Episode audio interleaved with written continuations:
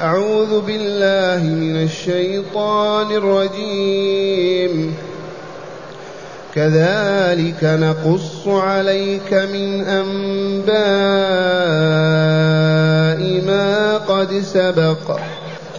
وقد آتيناك من لدنا ذكرا. من أعرض عنه فإنه يحمل يوم القيامة وزرا. خالدين فيه وساء لهم يوم القيامة حملا. يوم ينفخ في الصور ونحشر المجرمين يومئذ زرقا. يتخافتون بينهم إن لبثتم إلا عشرا. نحن أعلم بما يقولون إذ يقول أمثلهم. إذ يقول أمثلهم طريقة إن لبثتم إلا يوما. معاشر المستمعين والمستمعات من المؤمنين والمؤمنات. قول ربنا جل ذكره كذلك نقص عليك من أنباء الرسل ما قد سبق.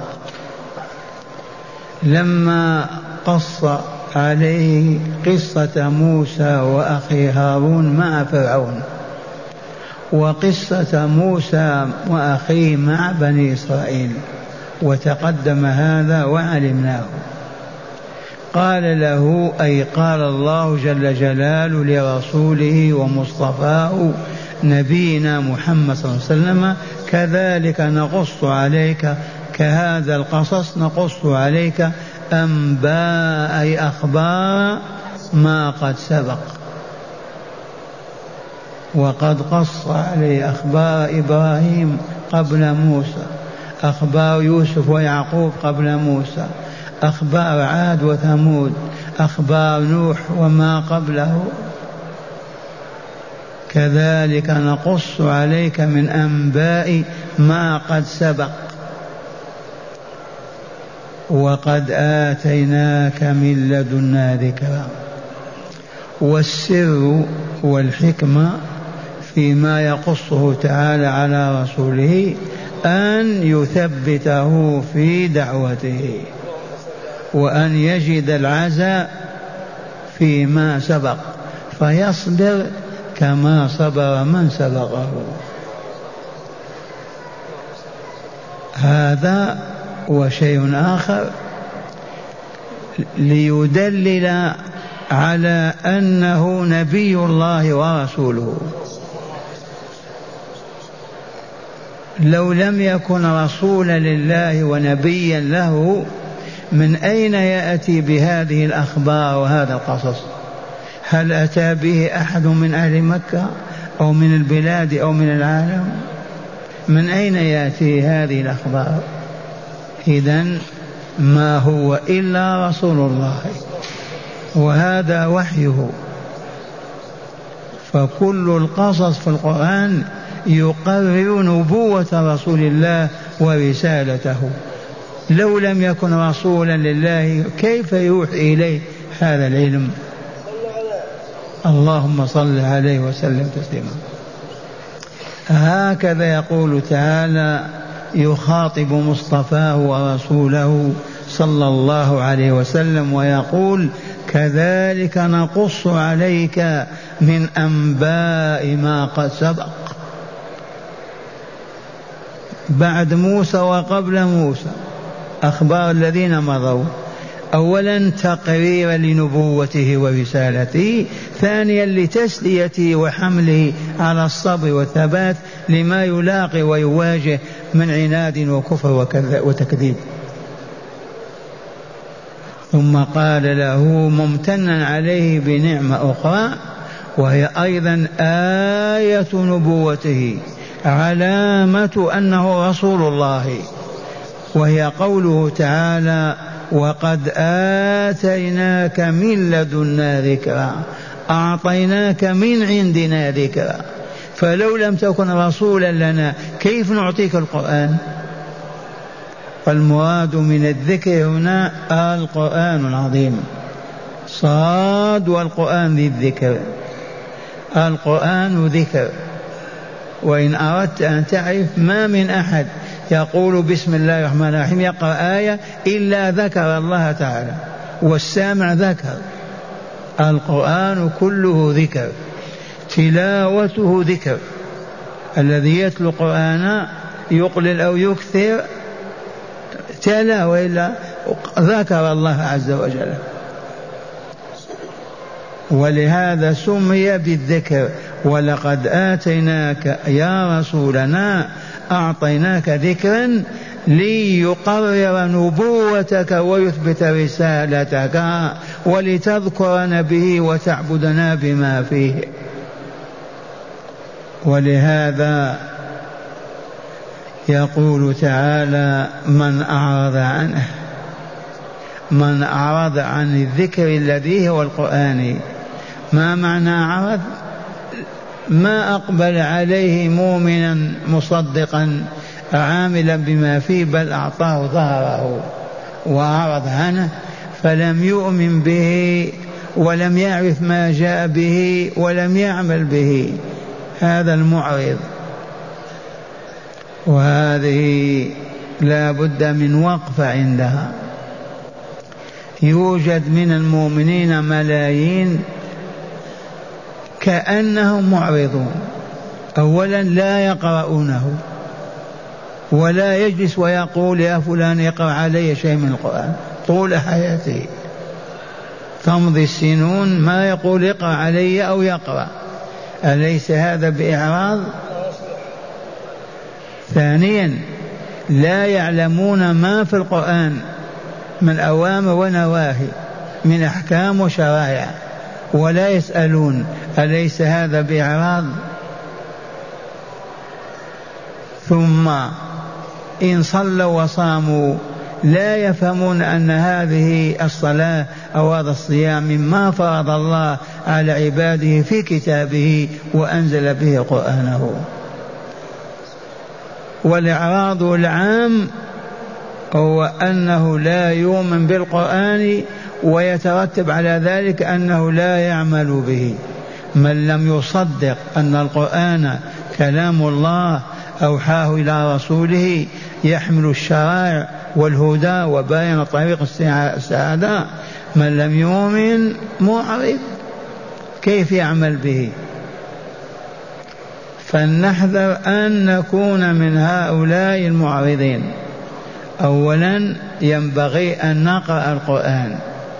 ما نعيش سنين ما نقرأ القرآن. ما استطعنا ناتي بمن يقرأ لنا ونسمع منه. نحضر مجالسه حتى نسمع القرآن. أما أن لا نقرأ ولا نسمع ممن يقرأ كأننا معرضون. هذا هو الإعراض. ثانيا ينبغي أن نعمل بشرائع الله التي حواها القرآن فنحرم ما حرم الله وقد حرم الله الربا والزنا وقتل النفس والكذب والغش والخديعة والنميمة والغيبة وما إلى ذلك من المحرمات بينها الله في الكتاب الكريم. وأن القرآن يحمل شرائع فرائض الصلاة الصيام بر الوالدين الإحسان الأمر بالمعروف والنهي عن المنكر. العبادات على اختلاف وتنوعها من النوافل حتى نكون من أهل القرآن. وكما علمتم صرفونا عن القرآن وأبعدونا عنه ثم حولونا إلى الموتى نقرأ القرآن. عاشت أمة الإسلام قرونا ما يجتمع ثلاث أربع لأن يسمعوا كلام الله. أبدا. إلا إذا كان مات الميت يجمعون أهل القرآن ليقرأوا القرآن على الميت لينجو من عذاب الله ويدخل الجنة في نظرهم. ولو شاء الله ما كانت هذه الإذاعات تتلو كتاب الله ما كان المسلمون يسمعون كلام الله. لكن تدبير الله عز وجل هذه الإذاعات إذاعة القرآن وغيرها. تفتتح كلامها بتلاوة كتاب الله. فكان الناس يسمعون. قبل هذه ما يسمعون. ما بلغنا أن أحدا يقول تعال أسمعني شيئا من القرآن. اللهم إلا ما عملت علمتموه. كان عندنا أحد الصالحين حضر دروس الشيخ الطيب خريج المسجد النبوي وسمع منه ما تسمعون. فكان إذا أتى القرية وأنا طفل يوم يقول تعال أسمعني شيء من القرآن. فيجلس ويصغي وأنا أقرأ عليه. سمع هذا من الشيخ الطيب. هذا فقط. أما من عداه لا يسمعون القرآن إلا ليلة الموت. نعوذ بالله أن نكون من المعرضين عن ذكر الله. ذكر الله ما تفتر ألسنتنا به أبدا. سبحان الله وبحمده سبحان الله العظيم. لا إله إلا الله وحده لا شريك له له الملك وله الحمد وهو على كل شيء قدير. اللهم صل على محمد وآله وسلم. دائما ألسنتنا مشغولة بذكر الله. هذا من جهة. وذكر الله الذي هو القرآن وبه يذكر الله عز وجل. نجتمع عليه نسمعه في الإذاعة في الشريط. حتى نسمع. ما نصبح معرضين ما نسمعه ابدا ولا نقول به. واسمع الوعيد الشديد. من أعرض عنه أي عن القرآن فإنه يحمل يوم القيامة وزرا. أي ذنوبا واثاما لا تطاق. قطعا. الذي ما آمن صلى وصام اجتنب المحرمات وابتعد عنها فعل الخيرات والطاعات وسابق فيها الجواب لا لا أبدا لأنه كالميت ما آمن. ومن فمن أعرض عنه من أعرض عنه فإنه يحمل يوم القيامة وزرا. ما يوم القيامة يرحمكم الله؟ اليوم الذي نقوم فيه من قبورنا. سوف نموت ولا والله لنموتن. وسوف نخرج من قبورنا أحياء بنفخة إسرافيل. ذاك اليوم يسمى ماذا؟ يوم القيامة يوم القيامة. هؤلاء المذنبون المرتكبون لكبائر الذنوب ومن أعضيها الشرك والكفر والعياذ بالله يوم القيامة يحملون ماذا؟ وزرا. وإذا حملوا الذنوب على ظهورهم مصيرهم إلى الجنة يعني إلى جهنم. ذنوبهم كافي على أن مصيرهم هو مصير جهنم. يحمل يوم القيامة وزرا ثم قالت وزرا ثم قال تعالى خالدين فيه وساء لهم يوم القيامة حملا. خالدين في تلك الذنوب يحملونها في جهنم. تلك الأوزار ما تسقط عنهم ما تنزع من ظهورهم إلى جهنم. تبقى دائما في أعناقهم. وساء لهم يوم القيامة حملا. أي حمل أقبح من هذا يوم القيامة؟ مفضوح الأوزار الكفر والشرك والمعاصي كله على ظهره وهو بين الناس. يحملها كالقناطر. فضيحة ما عند فضيحة. فلهذا يجب أن نسأل الله التوبة الصادقة النصوح حتى لا نموت ونحن نحمل أوزارا وذنوبا. ثم حالنا قبل موتنا بالاستغفار والتوبة والندم. خالدين فيه في ذلك الوزر وساء أي قبح لهم يوم القيامة ذاك الوزر حملا يحملونه. بئس الحمل هذا. ثم قال تعالى يوم ينفخ في الصور. النفخات في الصور تكررت في القرآن. وإليكموها تذكيرا للناسين وتعليما لغير العالمين. أولا الصور البوق. لكن ليس بوق بني آدم.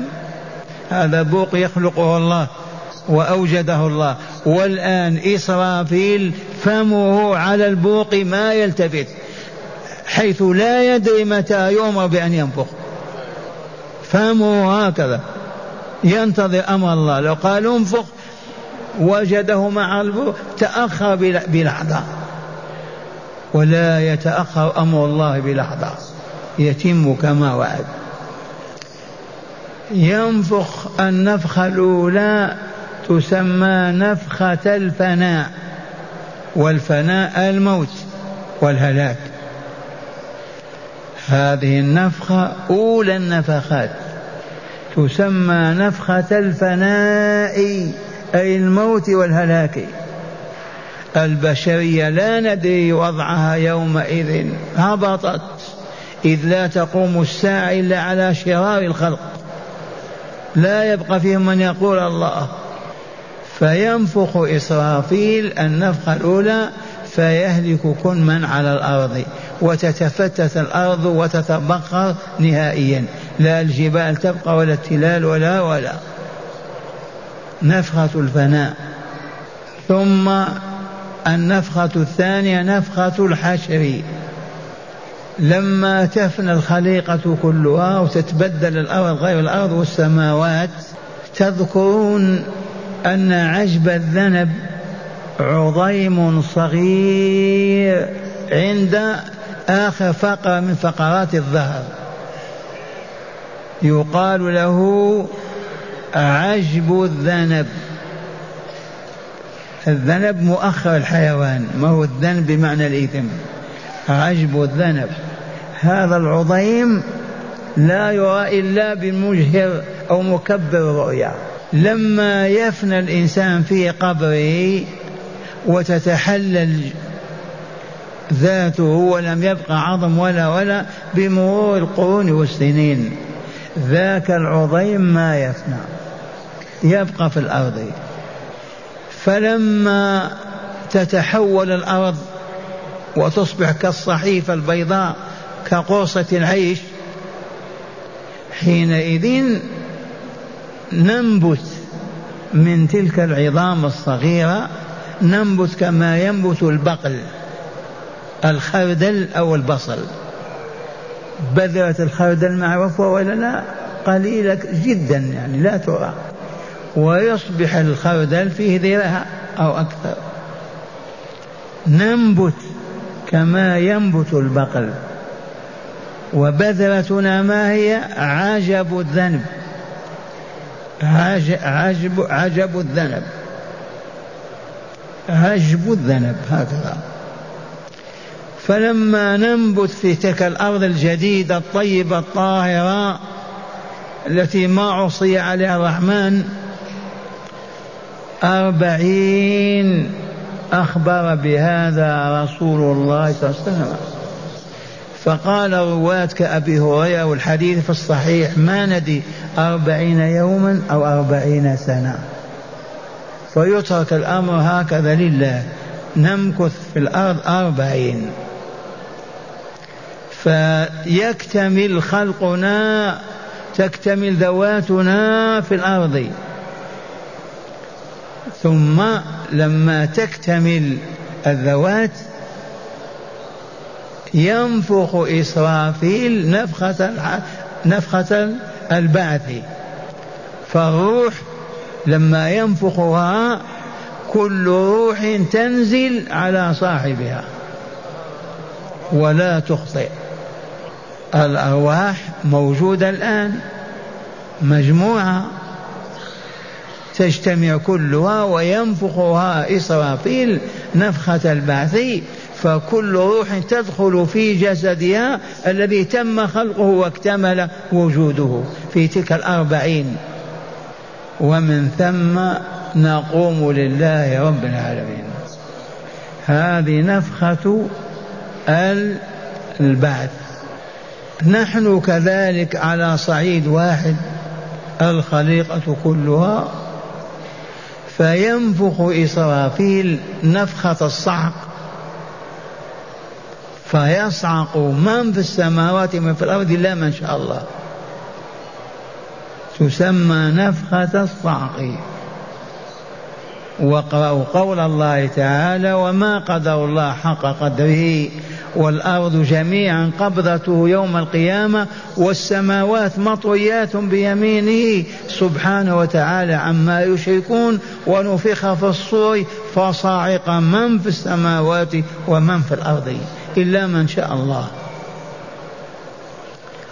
ويقرر هذه الحقيقة حديث البخاري وفي الصحاح أن النبي صلى الله عليه وسلم قال فأكون أول من يفيق ما كان مات الإفاقة تكون بإغماء أو سكر. أول من يفيق من الصعقة. فإذا بأخي موسى آخذ بقائمة العرش فلا أدري آفاق قبلي أم لم يصعق بأن جزاه الله بصعقة الطور في الدنيا جعله ما يصعق في الآخرة. فأكون أول من يفيق وإذا بأخي موسى قائم آخذ بقائمة العرش. فلا أدري أصعق وقام قبلي وأفاق قبلي أو لم يصعق. لماذا؟ لأن الله جزاه بصعقة الطور. صعق في الطور موسى ولا لا؟ لما ذهب وتجلى له ربه بجبل الطور صعق. فلما أفاق قال سبحانك تبت إليك. هذه نفخة ماذا؟ الصعق. ثم وهم صاعقون ينفخ إسرافيل نفخة ماذا؟ القيام لله رب العالمين. ونفخ في الصور فإذا هم قيام ينظرون وأشرقت الأرض بنور ربها ووضع الكتاب وجيء بالنبيين والشهداء وقضي بينهم بالحق وهم لا يظلمون. والشهداء هنا أمة محمد صلى الله عليه وسلم. هذه الأمة من مزي من مزاياها وفضائلها أن الله يستشهد على الأمم السابقة فتشهد. لأنه جعلها أمة وسط وسطا لتكونوا شهداء على الناس. الآية. كم نفخة في الصور؟ أربع نفخات وكثير من أهل العلم يقولون ثلاثة والصواب أنها أربعة. نفخة الفناء نفخة البعث نفخة الصعق نفخة القيام من الصعق لله رب العالمين. للحساب والجزاء إما بالنعيم المقيم أو بالعذاب الأليم. قوله تعالى يوم ينفخ اذكر يوم ينفخ في الصور ونحشر المجرمين يومئذ زرقا. الزرق جمع أزرق أزرق وزرق. والعرب كانوا يكرهون زرق العينين ما يطيقون الإنسان إذا عيناه زرقوان تباتم فأهل النار يوم القيامة يبعثون سود الوجوه زرق العيون. علامة أنهم أهل جهنم. هذا في عرصات القيامة. ونحشر المجرمين. من هم المجرمون؟ اليهود النصارى العرب. من؟ يجب أن نسأل. من هم المجرمون؟ يرحمكم الله. المجرم الذي أجرم على نفسه فخبثها عفنها أنتنها بالشرك والمعاصي. أجرم على من؟ على أمه ذبحها؟ لا. أجرم على ماذا؟ على بستان يحرقه؟ لا. أجرم على نفسه خبثها وعفنها بأوضار الذنوب والآثام إذ هو أبى أن يؤمن وأبى أن يعمل الصالحات وعمل المفسدات الملطخات فأجرم على نفسه فسمي بالمجرم. الآن لما تمشي للسجن تسعى المجرمين هذا قتل وهذا فجر وهذا كذب هذا الإجرام. لكن المراد من المجرمين هنا الذين أجرموا على أنفسهم بالكفر والشرك والمعاصي فما طابت ولا طهرت ولا زكت ولا استنارت. إذا فأهلها هم أهل جهنم. واسمع الآية الكريمة. ونحشر المجرمين المتوغلين في الإجرام. نحشرهم زرقا أي زرق العيون وسود الوجوه. بين أهل الموقف معروفون. ثم قال تعالى يتخافتون بينهم. يتسارون كلام السر كأنك حاضر معهم وهم واقفون في عرصات القيامة. يتكلم بعضهم مع بعض بالسرية. بالتخافت بالصوت الخافت المنخفض. ماذا يقولون؟ إن لبثتم إلا عشرة. ما لبثتم أبدا في القبور ولا في الدنيا إلا عشر ليالي. وهؤلاء ما أصابوا. ثبات نحن تعالى يقول نحن أعلم بما يقولون. الوقت الذي يقول أمثلهم طريقا. إن لبثتم إلا يوما. فين عشرة؟ فانظر آلاف السنين عشرات الآلاف مئات الآلاف كلها تعد يوم واحد لما يشاهدون ذلك الهول وذلك العذاب. وإن قضوا مئات الآلاف من السنين ثبات لما يشاهدون هذا العذاب بأعينهم وقد حل بهم حينئذ يظنون ما ماتوا وما عاشوا في الدنيا إلا يوم واحد.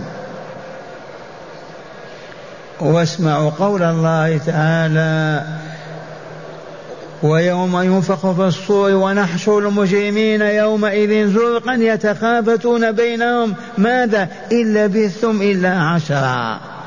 قال تعالى نحن أعلم بما يقولونه فيما بينهم إذ يقول أمثلهم أعدلهم وأصوبهم طريقا إن لبثتم إلا يوما. وهذا مشاهد في الدنيا. نحن الآن في أمن ورخاء لا قدر الله. لو تحدث حادثة نجوع فيها أو نعطش أو نخاف كأننا وجدنا في ذلك اليوم فقط. ننسى هذه الأيام بكاملها. كأننا ما وجدنا. ننسى ذاك النعيم وذاك الخير كله. ما نعرف إلا الجوع الذي نحن فيه أو الخوف الذي أصابنا. وصدق الله العظيم. أسمعكم شرح الآيات من الكتاب. بعد نهاية بعد نهاية الحديث بين موسى وهارون وبين موسى وبني إسرائيل. نعم. بعد نهاية الحديث بين موسى وفرعون وبين موسى وبني إسرائيل. هذا درسناه وعرفناه يقينا.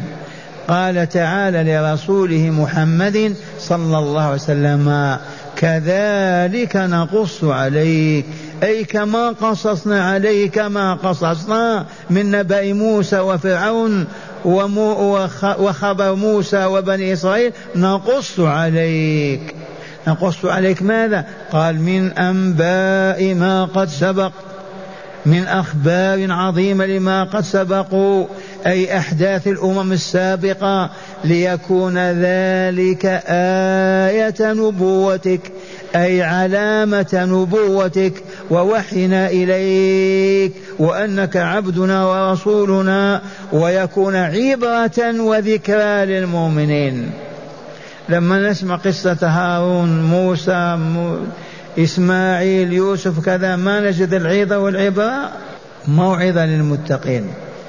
قال وقوله تعالى وقد آتيناك من لدنا من عندنا ذكرا. أي وقد أعطيناك تفضلا منا ذكرا وهو القرآن العظيم. يذكر به العبد ربه ويهتدي به إلى سبيل النجاة والسعادة. القرآن. منة الله على رسوله وعلى هذه الأمة. وقوله من أعرض عنه أعرض عن أي شيء؟ أي عن القرآن فلم يؤمن به ولم يعمل بما فيه. وقد بينا الإعراض كيف يكون الإدبار. ويعيش أربعين سنة ما يقرأ آية ولا يسمعها ولا يذن يقرأها ويسمعها. فضلا عن عدم الإيمان. فإنه يحمل يوم القيامة وزرا أي إثما عظيما. لماذا؟ لأنه لم يعمل صالحا وكل عمله كان سيئا لكفره وعدم إيمانه. خالدين فيه أي في ذلك الوز الوزر في النار. خالدين فيه أي في ذلك الوزر في النار. وقوله وساء لهم يوم القيامة حملا أي قبح ذلك الحمل حملا الذي يحملونه يوم القيامة. إذ صاحبه لا ينجو من العذاب بل يطرح معه في جهنم يخلد فيها أبدا. وقوله تعالى يوم ينفخ في الصور ونحشر المجرمين أي المكذبين بالدين الحق العاملين بالشرك والمعاصي يومئذ أي يوم ينفخ في الصور النفخة الثانية زرقا أي, أي العيون مع اسوداد الوجوه. وقوله تعالى يتخافتون بينهم يتهامسون بينهم؟ يسأل بعضهم بعضا كم لبثتم في الدنيا وفي القبور؟ فيقول البعض إن لبثتم إلا عشرا أي ما لبثتم إلا عشر ليالي. وقوله تعالى نحن أعلم بما يقولون إذ يقول أمثلهم طريقا أي أعدلهم رأيا إن لبثتم إلا يوما. وهذا التثاقل. للمؤمن الطويل. وهذا التقال وهذا التقال أي من القلة. هذا التقال للزمن الطويل آلاف السنين. هذا التقال للزمن الطويل سببه ماذا؟ هو القيامة وعظم ما يشاهدون فيها. مرة ثانية. وهذا التث... وهذا الت... التقال. لأنهم تقالوا قالوا عشر قالوا يوم. هذا التقال للزمن الطويل سببه هول القيامة. سببه هول القيامة وعظم ما يشاهدون فيها من ألوان الفزع وصنوف العذاب. اللهم نجنا من عذاب الدار الآخرة. اللهم نجنا من عذاب الدار الآخرة. هداية الآيات. بسم الله والحمد لله. من هداية الآيات أولا تقرير نبوة محمد صلى الله عليه وسلم يقص تعالى عليه أنباء ما قد سبق بعد قصة بعد قصه عليه أنباء موسى وفرعون بالحق وإيتائه القرآن الكريم. أول هداية الآيات تقرير نبوة رسولنا صلى الله عليه وسلم وأنه نبي حق ورسول صدق. والدليل هذا القصص الذي قصه عليه ربه.